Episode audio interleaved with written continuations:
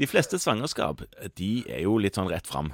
Du ser den gravide når hun kommer til deg første gang, sånn i uke 10, 11, 12, 13 der omkring. Og så en gang iblant, og så plutselig er denne damen blitt to. Og det er det. Ja. Eh, Og alle er glade, og alt er flott og fint. Men noen ganger så har vi svangerskap som vi kaller for risikosvangerskap. Ja. Iallfall legger vi opp til et ekstra øye på dette her, fordi at eh, det, det er større risiko for at et eller annet kan gå galt. ja. Hva skal til for at vi kan kalle det et risikosvangerskap? Er det fordi at mor er engstelig? For det finnes jo veldig mange eksempler på. Det er nok ikke seg selv nok. Vi deler det litt sånn i to. OK? For noen ganger så er det risiko for at det skal være noe galt med barnet. Da tenker en jo gjerne på foster, på misdannelser og den typen ting. Genetiske sykdommer, medfødte sykdommer, trisomiene. Og så har du de andre risikosvangerskapene der det er noen ting, eh, kall det nesten galt med mor Ja. at mor har en sykdom eh, som gjør at sjansen for at det skal gå noe galt med selve svangerskapet, øker betydelig. For eksempel diabetes, vil du kalle det det? Diabetes er risikosvangerskap. Vil du kalle hypotyreose? Det er et risikosvangerskap. Ja. Eh, Så alle kroniske sykdommer hos mor, hos en kvinne som blir gravid, eh, vil Eller ikke alle, men de aller fleste av de vil medføre at dette er et risikosvangerskap. Ja. Epilepsi er også en sånn diagnose. Og de krever ekstra oppfølging og egne rutiner for hver enkelt. Men eh, det som mange stiller spørsmål om, er jo på en måte dette med, med når skal jeg teste om barnet har en misdannelse? Ja, for det er jo et vanlig spørsmål, eller relativt vanlig spørsmål, òg blant førstegangsgravide jenter, damer som kommer inn som er 27, som er så engstelige for at det kan være noe galt, og gjerne vil ha en sånn ekstra sjekk. Ja. Og mange av de vil ha fosterdiagnostikk. Ja? Og det er det i utgangspunktet ikke alle som skal tilbys.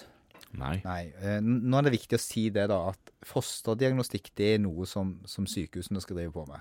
Ja? For det å drive diagnostikk på foster, det krever litt sånn mm, krav til eh, rutiner og systemer og kompetanse.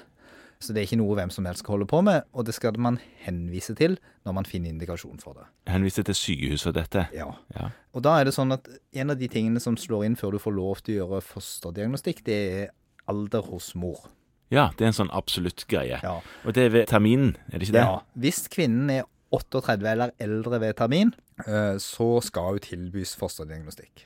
Og så hvis hun eller mannen, som du ofte er involvert, har fått et barn tidligere med alvorlige fosteravvik, så skal de også tilbys diagnostikk.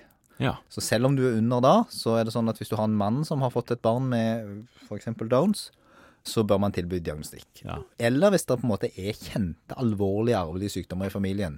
De finnes det noen av. Og så skal de også tilbys det hvis de bruker faste medisiner som kan være skadelige for fosteret.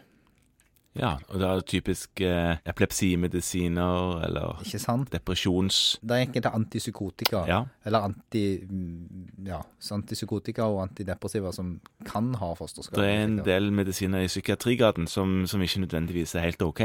Ja, sånn at det er en indikasjon. Og så er det hvis en vanlig rutinemessig ultralydundersøkelse skulle ha vist avvik som er merkelige, Den uke 18-19, liksom? ja, Ja. så skal de også henvises til det. Men det er klart at mange av disse vil jo gjerne bli henvist før det. For dette er jo spørsmål som du tar stilling til på den kontrollen sånn i uke 11 til 13, eh, der man prøver å finne ut av det meste. Det som jo er, er så- at sånn som det har utviklet seg i dag, så er det jo mange som har vært på ultralyder både én og to ganger før den tid. ja, om de har vært hos eh, den private jordmor-ultralyden eller her på annet hjørnet. sånt. Så av og til sitter du med mer informasjon enn du kanskje kunne ønske deg. Og så er det faktisk sånn at det står i retningslinjen at hvis kvinnen er i en ekstremt sårbar og vanskelig livssituasjon, eh, der vedkommende vil ha store problemer med å ta seg av et funksjonshemmet barn, så kan det være indikasjon for å henvise til fosterdiagnostikk. De er alene, altså? Det er alene. Så det er på en måte det som er inngangsporten.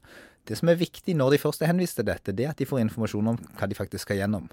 Og da må de snakke med en kompetent person, som som oftest er det noen som ligger under avdeling for medisinsk gen- genetikk, eller eh, som er tilknyttet de, som kan gi informasjon om hvilke prøver som skal tas, og hva de faktisk kommer til å si.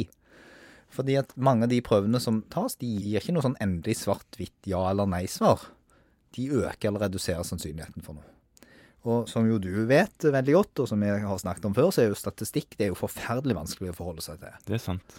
Det er veldig viktig at disse kvinnene får god veiledning når de da skal gå i gang med å ta disse undersøkelsene. Og det vi gjør, det er at vi gjør ultralyd, eh, og da kan de tas en tidlig ultralyd. Og den tas jo da gjerne i uke 10 til 12. Sånn at noen av disse, ja, 10 til 12, kanskje opp mot 14, noen av disse kommer jo gjerne tidlig i svangerskapet og ber om en henvisning til dette, og får det. De fleste av oss kjenner jo dette mest for å se på denne nakkefolden i forhold til Downs, Ja, eh, som du sikkert har hatt noen som gjerne vil ha en sjekk på. ja da. Det som kan være veldig greit, det er å få gjort noe som kalles for en kubbtest. En kombinert ultralyd og blodprøve.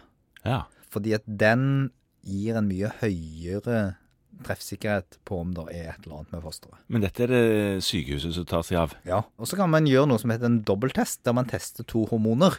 Eh, Og det er jo ikke noe vi gjør, det er noe sykehusene gjør. Ja. Men det kan være greit å vite hva det er for noe.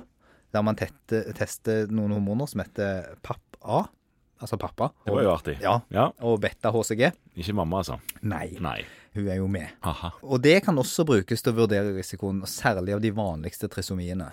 Ja. For da blir det en eller annen forskyvelse i dette. Aner ikke hva det er for noe, men, Men, men de kan altså sjekkes hos mor. de kan sjekkes hos mor. Ja, Ja, Men det å ta blod og sjekke blodet til barn, gjør, altså be fosteret, gjørs ikke det noe særlig lenger? Jo, det, det kan gjøres, og det gjøres jo da typisk sånn i uke 15-ish. Ja. Men det øker jo sjansen for spontanaborter. ja, ganske betydelig. Ja. Ja. da. Cirka en av ja, en halv til 1 prosent. ja, det er jo betydelig. Det er ganske betydelig. Sånn at du, du skal vel være ganske sikker på at risikoen er høy for at det er noe galt. Ja, Og For du å skal gjøre det. òg være ganske sikker på hva du eventuelt vil gjøre dersom denne risikoen skulle vise seg å slå til. Ikke sant? Ja. Og så går det an å ta morkakeprøver. Og det gir omtrent den samme risikoen Ja, eh, så det er heller ikke så veldig- Fostervannsdiagnostikken. ja så det er òg risikofullt. Eh, Det som også er kommet nå, det er blodprøver tatt fra mor for å se på foster-DNA. For det er jo sånn at det lekker over litt. Og den prøven er helt ufarlig. Og den kan også påvise genetiske sykdommer. Ja. Og den er godkjent og innført nå. Men mye av det vi nå har snakket om, er jo sånne ting som du kan vite om. Du kan ikke ta stilling til dette selv som, som fastlege, men Nei. det, Men det er greit å ha, for det, du får jo en del av disse spørsmålene av bekymra mødre og, og fedre, og for den saks skyld, som kommer og lurer. Men det du skal vite, er hvem det er du skal henvise til diagnostikk. Ja. Og det er altså de gruppene vi nevnte i starten. De over 38, Ja. og de som har, eller, har hatt eller har et barn med Utviklingsforstyrrelse. utviklingsforstyrrelser, eller har veldig høy risiko for det i forhold til bruk av medisiner eller andre faktorer som gjør at sannsynligheten for det Eller, eller at du har det i familien for øvrig. Ja. Ja.